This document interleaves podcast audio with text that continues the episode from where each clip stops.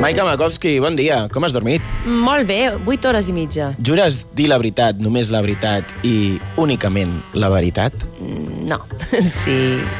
Doncs comença el tercer grau de Maica Makovski.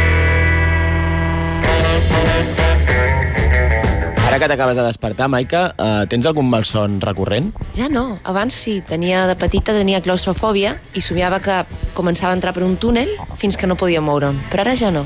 No somies que ets músic i que has de, pa- i que has de pagar un lloguer, aquestes coses? Ostres, no, mentida! Sí, sí, sí, ara que has dit això de músic. Tinc un somni recurrent, que és que vull arribar a l'escenari i em passen mogollon de coses i la gent està esperant i jo no puc arribar-hi. Tu has fet mai cap feina que no sigui fer música o fer teatre? Sí, um, no molt de temps. He estat a una recepció d'un hotel. Vaig fer de, de zafata, d'això de... que era surrealista sempre. Busques a internet el que es diu de tu? No, Mai? ho he fet i no, no vull fer-ho més. Què creus que es diu de tu? Què creus que pensa la gent de tu?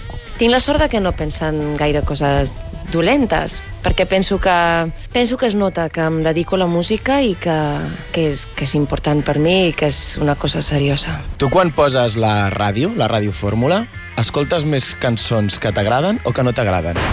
Per desgràcia, perquè m'encanta que m'encanti la música, més cançons que no m'agraden, no sé. Per mi una cançó hi ha de tenir una mica de veritat, i saps això que deien, em sembla que era 1984, que es- al futur s'escriurien les cançons amb fórmules d'ordinador o en fórmules matemàtiques, doncs és una mica així el que em passa. Tens o has tingut algun prejudici o alguna re- reticència amb algun tipus de música? Igual amb el heavy metal una mica, però em fa molta gràcia i tinc molt de, els tinc molt, molt de carinyo, els heavies, especialment. I després, igual amb el reggaeton, però, bueno, mm, també sóc capaç de veure perfectament si hi ha un tema, si hi ha un tema que, que, que m'agrada d'aquests estils. Què és imperdonable per tu d'una banda? Que no s'ho creguin, que sortin a l'escenari amb una energia de karaoke. Com ho detectes, això? No sé, hi han coses, des de que tens el- l'atril allà al davant i estàs llegint tot el que estàs dient, fins que no saps què fer amb les mans, estàs molt... con- Bueno, això em dóna tendresa, també. Penso, pobre, ho estan passant malament, són tímids. Però la música penso que, que et demana, no?, que siguis... que et fiquis fins al, fins al fons. Has marxat d'algun concert a mitges? Això sí que ho he fet, ho sento. Vols dir d'aquí? Mm, ostres, no ho tinc clar. Crec que me'n vaig anar del de Frank Black, perquè em sembla que no, m'ha- no em va agafar un bon dia. Tu ho has passat malament a l'escenari? Sí, moltes vegades. Perquè, bueno, hi ha moltes coses que poden passar. I sobretot, suposo, per aspectes tècnics. Però me'n recordo al principi de tot tocar um, a sales on tenien posat el futbol i movides d'aquestes que dius, hola, Tiros a la mierda un rato, no? les dues coses no, gràcies. Um, quan fas concerts vas amb furgoneta? Ara amb el quartet Brosses està sent molt diferent. Amb la banda, clar, sempre en furgoneta.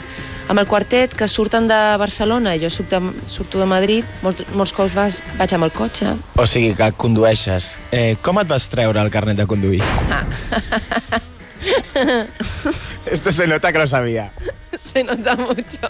Aquesta, aquesta autoescola té el, el sobrenom de l'autoescola de los famosos. Jo no em vaig anar per això. Me- Me'n vaig anar perquè vaig dir jo tinc tan, poc, tan poca disciplina d'estudi a aquestes altures que si no faig un intensiu d'aquests que m'ho posin superfàcil no ho faré. Però va ser molt friqui, molt friqui. Et vas trobar algun famoset també per allà? No, pero estaban las fotos de Yola Berrocal, de Palete, impressionant. T'han posat alguna multa o t'han tret algun punt? Multa sí, per velocitat, m'agrada córrer. La prisa mata, Maica.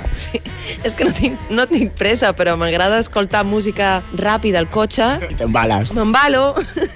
Quina és l'època més puncarra de la teva vida? I com va ser? Què vas fer? Als 22 anys, començant per la boca, portava uns, uns ferros a la boca. El dentista em va demanar si volia aquests transparents i vaig dir, no, no, de metal, más poquis. I llavors, no sé, vaig descobrir també els estuges i vaig dir, uau, libertat. I va ser una època bastant destroyer, però molt divertida també. Quin superpoder tens? Aquest. està tocant-se el nas amb la llengua. Ara després et faré una foto, sí, ja la gent ho coneix. Ara que a més de fer música faràs entrevistes a músics, què et fa més ràbia dels periodistes que no faràs ni que et paguin? Una bona pregunta. Serà, suposo... No formularé les preguntes d'una manera contrària a la pregunta. Ja sé que és molt abstracta, però de vegades et fan preguntes que tu tens que contestar reformulant la pregunta, perquè si no, no pots ni començar. Periodista opinador, no? Un poco? Ui, això segur. Que diu, jo és que me gusta ser sincero. Perdona, no. Està sent completament gratuït. La teva opinió mai te l'he demanat. Tu opinió de mierda. T'opinió. Doncs, Maica Makovski, espero que les meves preguntes com a mínim t'hagin incomodat una miqueta. I moltes gràcies. A vostè, Víctor Ladilla. Adeu.